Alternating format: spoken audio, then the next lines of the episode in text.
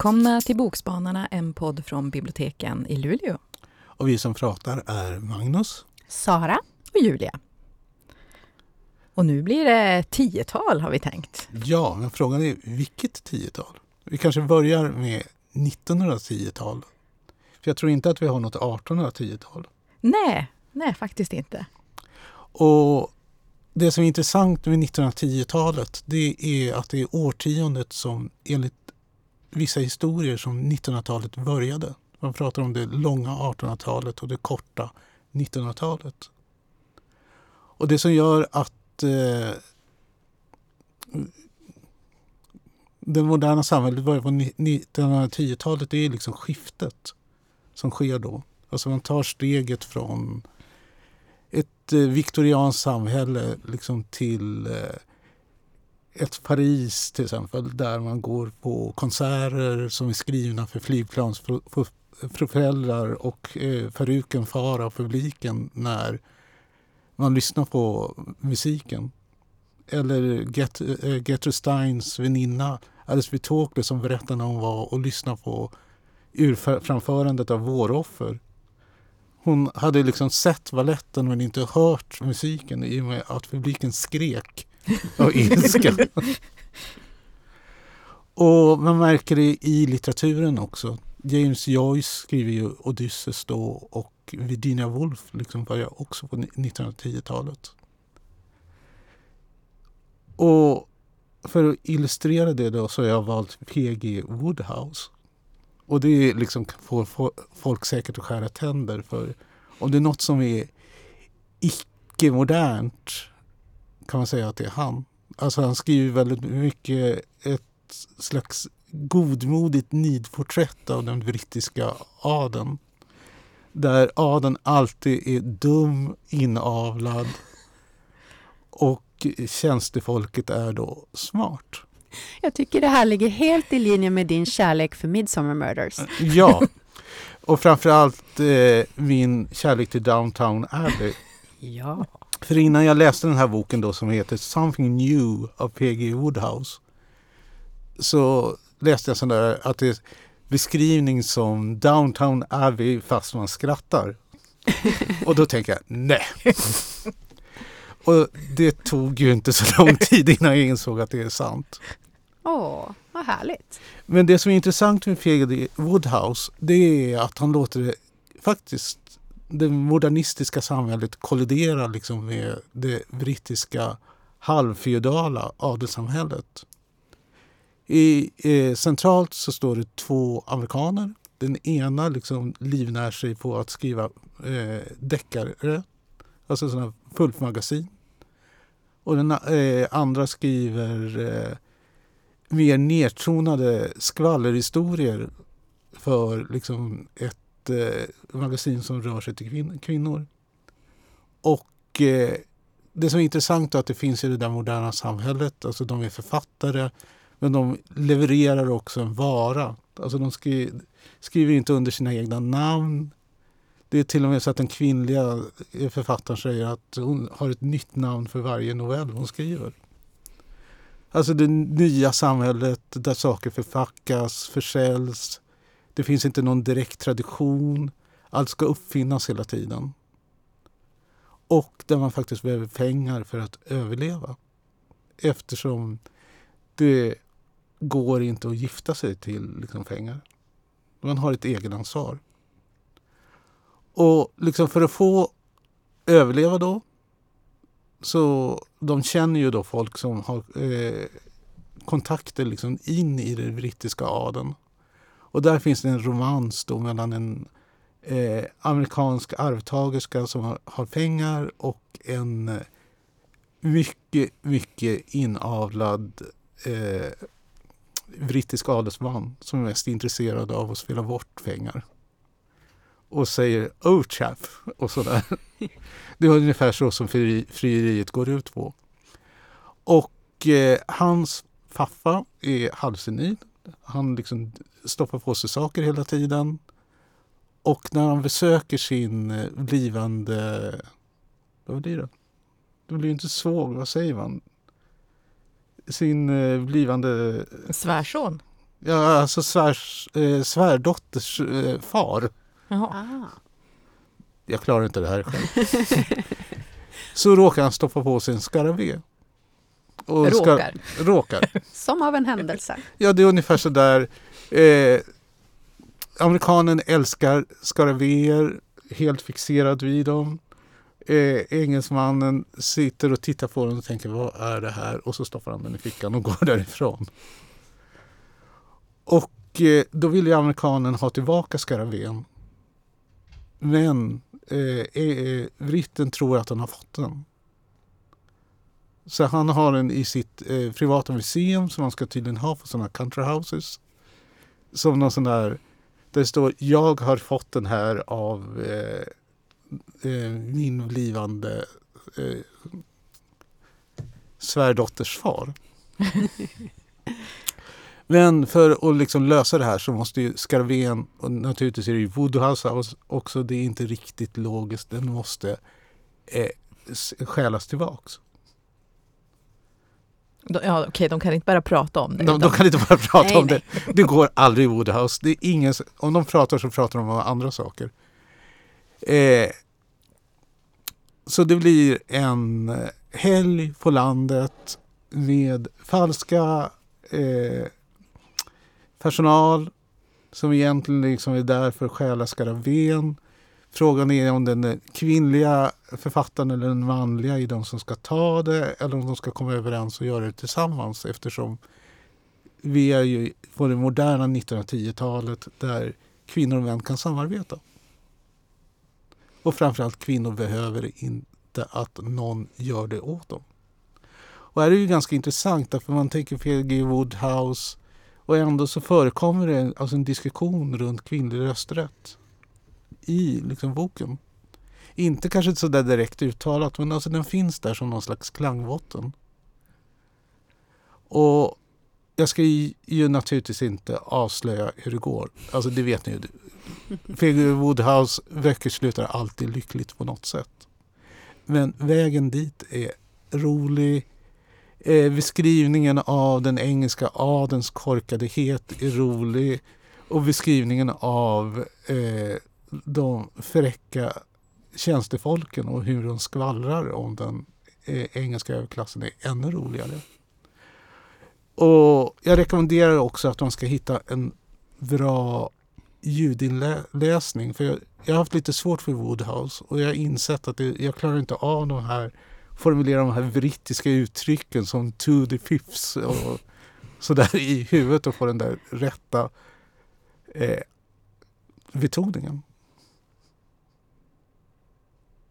Jag tänker att drömmen vore att hon eh, från Downton Abbey skulle läsa in. Maggie du vet Smith. Ja, precis. Jo, det är en dröm. Absolut. Nej, men om vi fortsätter på 1910 Mm. och tar oss till Sverige istället. Till Sverige? Hände Ja! det något då? Det hände grejer. Eh, och jag har läst Pennskaftet av Elin Wägner. Mm. Och den kom ju 1910. Eh, och hon, eh, Elin Wägner var ju journalist och författare och hon var själv aktiv i kvinnorättsfrågor. Eh, och det feministiska engagemanget präglar hennes produktion och hon engagerade sig och skrev om frågor som förhållande mellan kön, biologiska moderskap, miljökatastrof, fredsfrågan och varje människas rätt till sina egna rötter. Och det känns ju som att det fortfarande är aktuella idag. Eh, så hon verkar väldigt spännande, så jag är intresserad också av att läsa biografin Den besvärliga Elin Wägner av Ulrika Knutsson för att få veta mer. Men nu har jag läst Pennskaftet. Eh, och jag tror det är första boken som jag läser om där kampen om kvinnlig rösträtt har en så viktig del av handlingen. Eh, och det är räknas som en svensk klassiker och det var en stor försäljningssuccé när den kom. Så det känns som att det var på tiden att jag läste den. Ehm, och i centrum Eh, av handlingen så hittar vi unga journalisten Barbro Pennskaftet Magnus. Men hon kallas bara för Pennskaftet i boken. Och vi får följa henne eh, som kvinnlig journalist i då ett mansdominerat tidningsvärld och hennes engagemang i kampen för kvinnlig rösträtt. Hon är charmig, hon kan prata för sig och hon verkar inte se några hinder, alltså hon inte kan klättra över. Hon är liksom framåt. Eh, och så får vi följa då henne och några andra kvinnor vars den här ja, kampen Eh, lång och svår, men de är verkligen övertygande om att de förr eller senare ska lyckas. Kvinnor ska få rösträtt. Ehm, men allt är då inte politik. Eh, så vi får verkligen följa vardagens bekymmer och glädje så det finns vänskap, gemenskap och kärlek. Och pennskaftet inleder ett förhållande med en ung arkitekt, Dick Block, trots att de inte har råd att gifta sig och trots att det inte skulle ses med vänliga ögon om det kom fram. Och det är hon i så fall som skulle få skiten för det. Han skulle kunna fortsätta som vanligt, för då skulle hon ju ses som en fallen kvinna, vilket uttryck man ska uttrycka. Då skulle hon ju inte någonsin få gifta sig. Det var hände ju verkligen mycket, mycket i, inom samhället under den tiden som du tar under 10-talet. Det var en mm. skiftning från det viktorianska till det liksom nya. Får jag bara komma mm. med en ytlig liten input här? Ja. Bara uppmärksamma hur underbara namn. Pennskaftet och Dick Block. Ja, eller hur? Eh, så att det är verkligen liksom det här en samling av kvinnor alltså som har haft olika möjligheter i livet, men de samlas kring den här frågan som de brinner för, verkligen från alla samhällsskikt. Eh, men de är verkligen formade av åsikterna, alltså hur, hur, hur det såg ut ute i samhället som de lever i. Eh, och det beror också på hur, hur, gamla de är. För det var ju verkligen kvinnor från alla åldrar som var med i den här kampen. De har inte samma liksom, idé, men de brann alla för den här frågan att kvinnor skulle ha rösträtt. Eh, och det var ganska, eh, hon är bra på att skriva dialoger, tycker jag, Elin Wägner. Det blir snärtigt liksom. Och jag provade först som ljudbok, men det var en, väldigt, en herre med väldigt gnällig röst som läste. Så att det lät väldigt extra ålderdomligt och extra gnälligt. Så jag var tvungen att läsa det i bok. Det gick inte. Det gick inte. Det var verkligen, du vet, så, gnä, så det var så för gnälligt så det gick inte. Det, eh, så det blev som tråkigt. Och när jag läste det själv så fick man till det här liksom snärtiga och snabba. Och, alltså de kändes mer levande när jag lyssnade på dem. Så jag tyckte, jag tyckte den var riktigt bra. Mm. Så jag tror att jag kommer läsa mer av Elin Wägner. Har ni läst den? Mm. Nej, faktiskt inte. Den är på do-listan. Ja, får du, den får hoppa upp några steg tycker jag. jag har läst den, jag tycker ja. jättemycket om den. Och överlag liksom berättelser om kampen för rösträtt i Sverige i och med att vi var så sena. Mm. När var det? Det var 1921 21. i Sverige. Och vi var ju sist bland våra grannländer. Mm.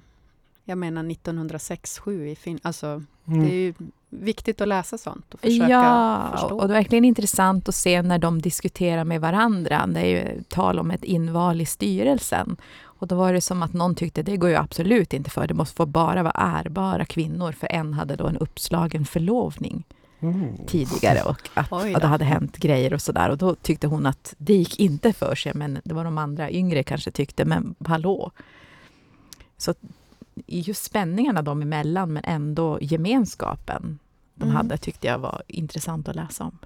Men vad, vad intressant, för ni har ju rört er i 1910-talet, en brytpunkt. Mm. Och jag flyttade mig raskt vidare 100 år senare, eller 105 år senare. Men jag börjar fundera om det kanske inte är en brytpunkt, men, men flera ord känns ju ändå igen ärbar kvinna har...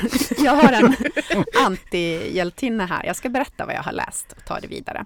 Jag har läst Halva Malmö består av killar som dumpat mig. En roman av Amanda Romare.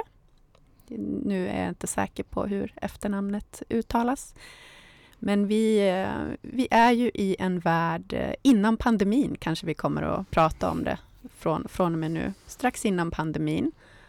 Och eh, här är det också mycket förpacka och sälja, men i många fall sig själv.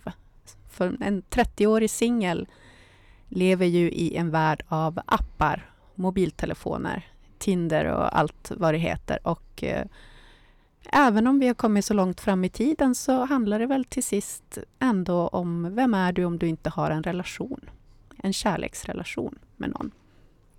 Det här är väl kanske en, eh, en lite mer modern Bridget Jones. Jag tyckte det var, det är en dagbok och det är ju en slags eh, antihjältinna. Då tänker jag att Bridget Jones var så här knasig och gjorde som man inte skulle göra. Och eh, Amanda, huvudpersonen i Amanda Romares bok, är, är likadan.